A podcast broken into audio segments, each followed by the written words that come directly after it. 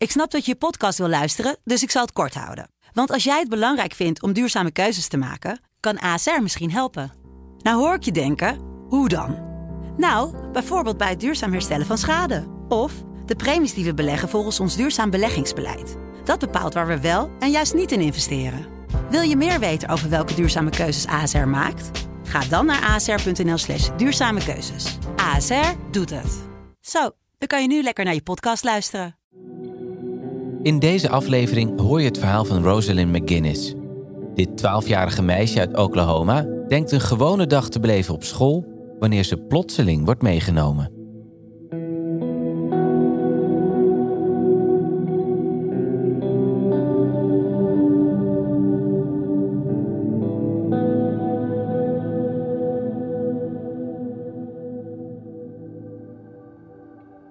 Je luistert naar onze podcast Ontvoerd. Mijn naam is Maya Noordam en ik zit hier samen met Kevin van den Berg. Zoals iedere week duiken wij samen in een ontvoeringszaak die wereldwijd voor opschudding heeft gezorgd. Online geven we je een beeld bij de ontvoeringszaken die we bespreken. Op Instagram volg je ons via @ontvoerd de podcast.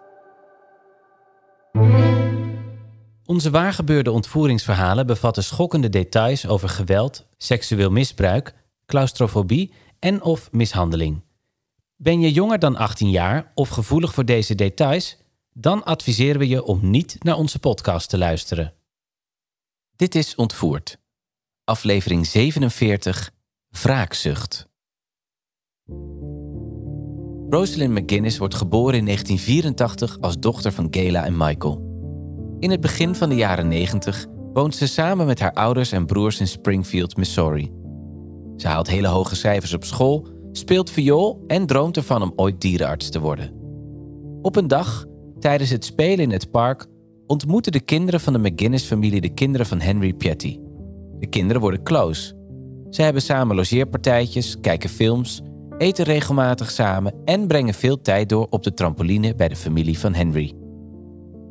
Terwijl de McGuinness en de Pierry-kinderen elkaar beter leren kennen, groeit ook de band tussen Gayla McGuinness en Henry Pierry. Ze bespreken Gayla's interesse in religie en de Church of Jesus Christ of Latter-day Saints. Henry drijft Gayla langzaam weg van haar echtgenoot Michael, die niet geïnteresseerd is in deze onderwerpen en vaak van huis is. Niet veel later gaan Michael en Gayla uit elkaar, waarna zij al snel een relatie krijgt met Henry. De twee gaan samenwonen met alle kinderen. Maar Henry runt een heel ander soort huishouden dan het gezin McGuinness is gewend. Hij leest voortdurend Bijbelteksten voor aan de kinderen en hij moedigt Gayla aan om de kinderen fysiek te straffen. Hij begint de kinderen te scheiden van elkaar en legt iets op wat bijna op een hiërarchiesysteem lijkt. Hij slaat Gayla ontelbare keren, evenals de kinderen. In 1995, wanneer de mishandeling onder de aandacht van de autoriteiten komt, overtuigt Henry Gayla ervan dat zij de schuld zou krijgen van de situatie. Ze besluiten om te vertrekken en trekken door verschillende staten. Ze verhuizen bijna dagelijks en uiteindelijk komen ze terecht in Oklahoma. Hier escaleert het fysieke, seksuele en psychologische misbruik door Henry. Hij slaat de jonge kinderen met houten planken wanneer ze een taalkundige fout maken en hij slaat Gayla regelmatig in haar gezicht. Wanneer Rosalind 11 jaar oud is, begint hij haar ook seksueel te misbruiken. Uiteindelijk ontsnapt Gayla naar het huis van haar moeder in Independence, Missouri en neemt haar kinderen met zich mee. Maar helaas, een paar weken later gaat Henry naar Independence en neemt hen weer mee terug. Wanneer ze terugkeren, trouwt de 42-jarige Henry met zijn 30 jaar jongere stiefdochter, de pas 12-jarige Rosalind. Het niet-wettelijke huwelijk wordt in een busje onder dwang voltrokken door zijn zoon Tobias, waarna hij Rosalind zelfs een ring geeft om het nephuwelijk er officieel uit te laten zien. Henry trouwt veel later ook volgens de wet met Rosalinds moeder Gayla. Het geweld gaat echter onverminderd door en in januari 1997 besluit Gayla van Henry te scheiden, na minder dan een jaar huwelijk. Met behulp van jeugdzorg komen Gayla en haar kinderen terecht in een opvang voor huiselijk geweld in Oklahoma, weg van Henry. Hier proberen ze hun leven op te bouwen en gaan de kinderen ook naar school. Henry is echter woedend vanwege de scheiding en zint direct op wraak. Hij broedt op een plan om de 12-jarige Rosalind te ontvoeren, die hij ziet als zijn vrouw. Hij dwingt zijn zoon Tobias wederom om hem te helpen. Op 31 januari 1997 is het zover. Rosalind gaat naar school in Oklahoma en Henry wacht haar op bij het schoolplein. Hij vertelt Rosalind dat hij van haar houdt en dat hij hun familie weer zal herenigen. Ook zegt hij dat ze naar tekens moet zoeken. Wanneer ze deze heeft gevonden, dan is het tijd om naar buiten te gaan. Later die dag merkt Rosalind een sombrero en een poncho op in het schoolgebouw. Spullen die ze herkent van een eerdere reis naar Mexico met Henry. Dit moet het teken zijn. Ze rent naar buiten en ziet Tobias Pietty in een truck en ze stapt in. Tobias rijdt twee uur lang met haar op weg naar Tulsa. Daar, in een hotelkamer, wacht haar zogenaamde echtgenoot Henry Pietty op haar. Wanneer Rosalind vraagt naar de rest van haar familie, vertelt Henry haar dat er niet genoeg tijd is om haar broers te halen en dat Gayla niet terugkomt. Hij vertelt haar dat haar moeder haar niet meer wil en dat ze al als wegloper wordt beschouwd. Rosalind begrijpt niet wat er gebeurt. Haar moeder is er niet, haar broers zijn er niet en niemand van haar familie is er. En blijkbaar wil haar moeder haar ook niet meer zien. Ze heeft geen idee dat haar moeder Gayla in werkelijkheid ijverig op zoek is naar Rosalind. In Oklahoma zet de familie McGinnis een campagne op poot om haar te vinden. Ze gaan ervan uit dat Henry Pierre haar heeft meegenomen en willen niets liever dan haar veilig thuisbrengen. Ondertussen vertelt Henry aan zijn kinderen dat Rosalind vanaf nu hun nieuwe moeder is en hij vertelt haar dat hij graag meer kinderen met haar wil krijgen. Om te voorkomen dat iemand Rosalind herkent, verft Henry haar haar en dwingt haar om een bril te dragen. Ook geeft hij haar een andere naam. Zijn aanpak werkt. In de jaren die volgen wordt Rosalind niet gevonden en blijft ze in de macht van Henry. Hij verhuist haar en zijn kinderen verschillende keren door het land, profiterend van voordelen die worden geboden door hun LDS-kerk. Zowel hij als Rosalind nemen steeds nieuwe namen aan en gebruiken bijbehorende identificatiekaarten. Rosalind gaat niet meer naar school en moet de rol van echtgenoot van haar stiefvader en moeder van haar stiefbroers en zusjes aannemen. Het hele gezin Pierre wordt gedrild over wat ze moeten zeggen als mensen vragen beginnen te stellen. Ze gaan regelmatig terug naar Oklahoma, waar Henry Rosalind dwingt om brieven te schrijven naar familieleden, de media en de politie. Hierin moet ze schrijven dat ze is weggelopen van haar gekke moeder en slechte familie. Als ze een woord verkeerd spelt, krijgt ze een klap. Vanwege de poststempel hoopt hij dat iedereen denkt dat Rosalind gewoon nog altijd in de staat is. Ondertussen gaat het fysieke, seksuele en emotionele misbruik nog altijd door. Het is zelfs heftiger dan ooit tevoren. Henry verkracht de 14-jarige Rosalind vier keer per dag en uiteindelijk raakt ze zwanger. Ze krijgt een miskraam en ze weet niet wat ze moet doen. Henry zegt dat ze de foetus door het toilet moet spoelen en dat doet ze dan ook. Henry begint haar crack te geven en slaat haar vaker dan ooit. Dan, in 2000, terwijl ze in Idaho wonen, raakt Rosalind op 14-jarige leeftijd opnieuw zwanger. Henry verhuist het gezin naar Mexico om vragen over haar zwangerschap te vermijden. Wanneer hij Rosalind naar het ziekenhuis brengt, zeggen de artsen dat het te vroeg is om van de baby te bevallen. Henry is het hier niet mee eens. Hij gebruikt een zakmes om de baby op de vloer van een busje ter wereld te brengen. Rosalind is dan net 15 jaar oud.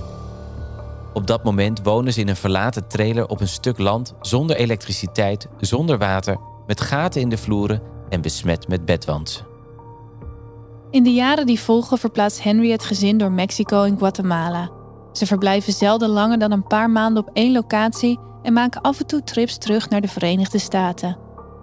Rosalind baart meerdere kinderen van Henry, allemaal ter wereld gebracht zonder enige medische hulp. In het openbaar introduceert Henry Rosalind als zijn dochter, die zwanger is geraakt van een Mexicaan en vervolgens in de steek werd gelaten. Rosalind's kinderen gaan niet naar school, hebben geen sociale contacten en leren zelfs niet om te lezen. Ze zijn geïsoleerd van anderen. De kinderen worden ook verwaarloosd. Een van de jongens heeft slechts één korte broek die hij met een touw bijeenhoudt. Een van de meisjes verdrinkt bijna in een emmer. Henry hangt haar ondersteboven om het water eruit te schudden en ze herstelt. Rosalind gaat dagelijks naar de stad om te bedelen. Met het geld dat ze hiermee verdient, kan ze zichzelf en Henry's kinderen onderhouden.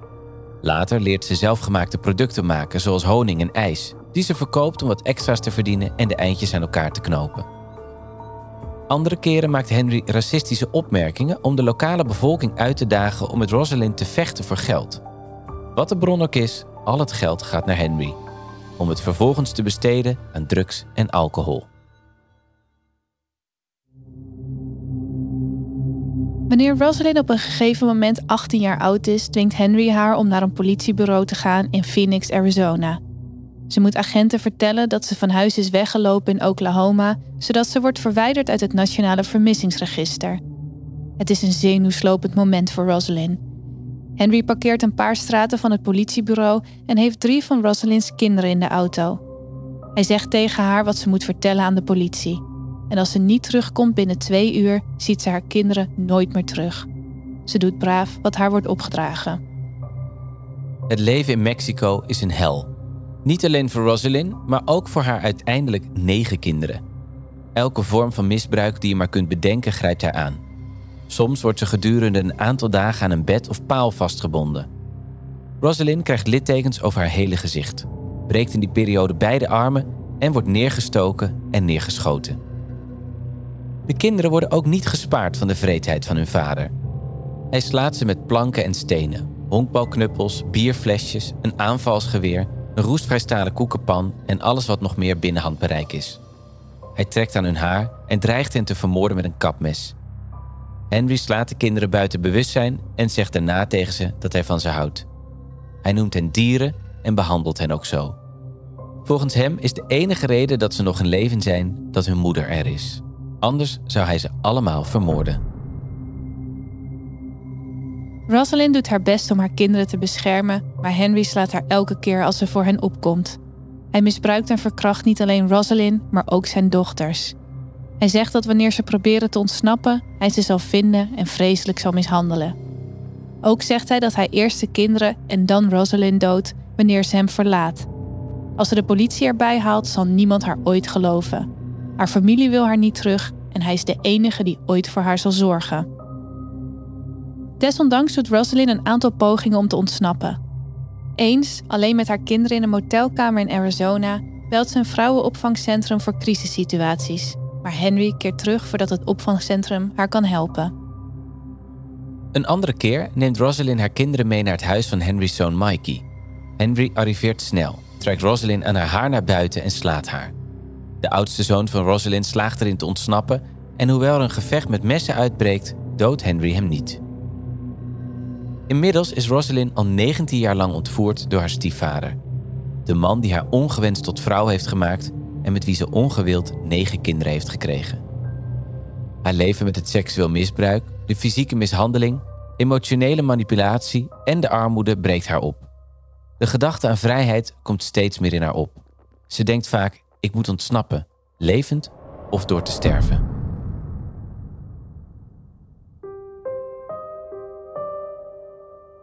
Dan is het begin 2016. Rosalind is met haar kinderen en Henry boodschappen aan het doen bij een supermarkt in Mexico. Terwijl ze bij de kassa staan, blijkt dat Rosalind geld tekort komt voor de boodschappen. Dan schiet een Engels sprekend echtpaar dat achter hen in de rij staat te hulp. Lisa en Ian geven Rosalind het missende bedrag en raken met haar en Henry in gesprek. Rosalind stelt zichzelf voor als Stephanie, terwijl Henry de alias Bill gebruikt. Lisa en Ian merken het leeftijdsverschil op tussen de twee, evenals het grote aantal kinderen dat ze hebben. Ze beseffen dat er iets niet klopt en willen meer weten over de familie. De stellen spreken af om contact te houden. Maar net wanneer hun vriendschap begint, verhuist Henry zijn grote familie naar een bouwvallig huis in een afgelegen bergachtig gebied. Ondanks dit houden Lisa en haar man contact met Rosalind en ze besluiten om haar en haar familie te bezoeken in hun nieuwe huis. Tijdens dat bezoek vertelt Henry per ongeluk dat hij 62 jaar oud is, terwijl Lisa eerder al heeft gehoord dat Rosalind slechts 32 jaar oud is. Het oudste kind van de twee blijkt al 17 jaar te zijn. Wanneer Lisa de berekening maakt, concludeert ze dat Rosalind op 15-jarige leeftijd beviel, terwijl Henry toen al 45 was. Het is een rode vlag voor Lisa en Ian. Lisa's vermoedens worden nog sterker wanneer ze ziet dat de acht kinderen van Rosalind in drie kleine kamertjes wonen, die niet groter zijn dan een inloopkast. Ze zijn allemaal mager en vertellen haar dat Henry hen heeft gezegd dat hij niet van hen houdt. Lisa en Ian willen iets doen voor Rosalind, die zij nog altijd kennen als Stephanie, en haar kinderen. Ze bieden aan om Rosalind te helpen om Henry ofwel achter de tralies te krijgen of te laten opnemen in een afkikcentrum voor drugsverslaafden en alcoholisten. Het is wel belangrijk dat Rosalind en haar kinderen dan eerst veilig zijn. buiten het bereik van Henry. Dus een paar weken nadat Lisa en Ian Rosalind en haar familie hebben bezocht, grijpt Rosalind haar kans om te vluchten. Henry raakt op een dag bewusteloos omdat hij te veel heeft gedronken en Rosalind zegt tegen haar kinderen dat ze snel wat kleren en spullen moeten inpakken. Met de 150 dollar die ze stiekem heeft gespaard, betaalt ze een taxi die haar naar het huis van Lisa en Ian brengt. Ze is na 19 jaar eindelijk ontsnapt, samen met haar kinderen. Bij Lisa en Ian komen Rosalind en haar kinderen een beetje tot rust en op krachten. Als ze weet dat ze echt veilig is, vertelt Rosalind eindelijk de volledige waarheid over zichzelf. Haar echte naam, waar ze vandaan komt, hoe Henry haar heeft meegenomen en de omstandigheden die hebben geleid tot haar huidige situatie. Alles komt aan bod. Ze zegt tegen Lisa: Ik wacht al twintig jaar op iemand die de rekensom maakt dat een 15 of 16-jarige niet zulke baby's zou moeten krijgen. Lisa en Ian weten niet wat ze horen. Lisa doet online onderzoek en komt een bijna 20 jaar oude vermist poster tegen waarop Rosalind en Henry staan. De 12-jarige Rosalind op de poster lijkt bijna identiek aan de vrouw die al twee weken bij Lisa in huis woont. Na al die jaren is het meisje eindelijk gevonden. In juli 2016 sturen Lisa en Ian Rosalind naar het Amerikaanse consulaat in Mexico. In samenwerking met het Nationaal Centrum voor Vermiste en Uitgebuite Kinderen worden Rosalind en haar kinderen terug naar huis gebracht, naar de Verenigde Staten. Hier worden ze allemaal behandeld voor PTSS. De zaak wordt doorverwezen naar de FBI, die nauw samenwerkt met Rosalind. Haar verklaringen, tientallen kopieën van identiteitsbewijzen, geboorteakten en Mexicaanse documenten worden verzameld. Op basis hiervan besluit het Mexicaanse Openbaar Ministerie tot een aanklacht tegen Henry, die op dat moment nog altijd op vrije voeten is in Mexico. Sinds Henry in 1997 met Rosalind en zijn kinderen uit Oklahoma vertrok, was hij ongrijpbaar voor de Amerikaanse autoriteiten. Maar twintig jaar later, in september 2017, verschijnt hij bij de Amerikaanse ambassade in Mexico om een nieuw paspoort aan te vragen. Hij wordt direct gearresteerd.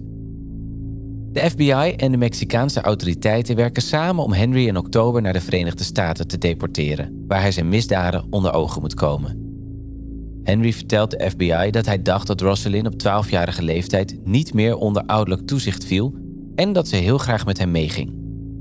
Hij geeft wel toe dat hij seks met haar heeft gehad en dat hij haar negen keer zwanger heeft gemaakt. Ook erkent hij dat hij haar lichamelijk pijn heeft gedaan. Zijn dochters leggen verklaringen af waarin ze zijn vreselijke seksuele misbruik en mishandelingen beschrijven. Maar Henry weigert om neergezet te worden als monster. Hij zegt dat veel van de beschuldigingen tegen hem leugens zijn en dat hij de waarheid vertelt. Hij heeft naar eigen zeggen nooit kinderen verkracht. Hij zegt: Ik heb de liefde bedreven met mijn vrouw. Wij waren getrouwd. De rechtbank wil er echter niets van weten. En in juni 2019 wordt Henry Pierry schuldig bevonden aan de ontvoering van zijn stiefdochter.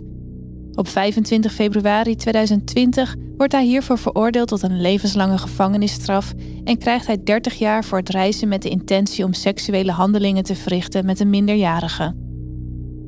De rechtbank veroordeelt Henry daarnaast tot het betalen van een boete van 50.000 dollar en 50.000 dollar schadevergoeding aan Rosalind.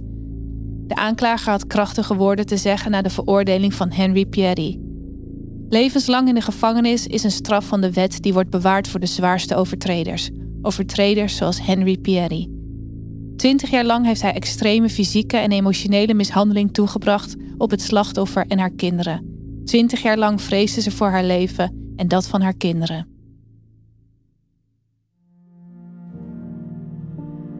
Rosalind was heel erg opgelucht na de veroordeling van Henry. Ze zei hierover: Ik ben zo blij dat hij is opgeborgen waar hij niemand meer pijn kan doen. Mijn kinderen en ik leden dagelijks als resultaat van het misbruik van dit roofdier.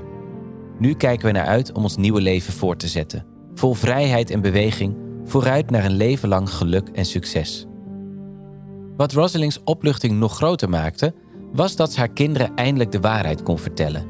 Haar kinderen waren geschokt om het hele verhaal te horen. Ze had alles voor hen geheim gehouden, totdat ze was ontsnapt aan de klauwen van Henry. Hierover zei ze: De reden dat ik het hen niet vertelde, was omdat ik van binnen wist hoeveel het mij beschadigde.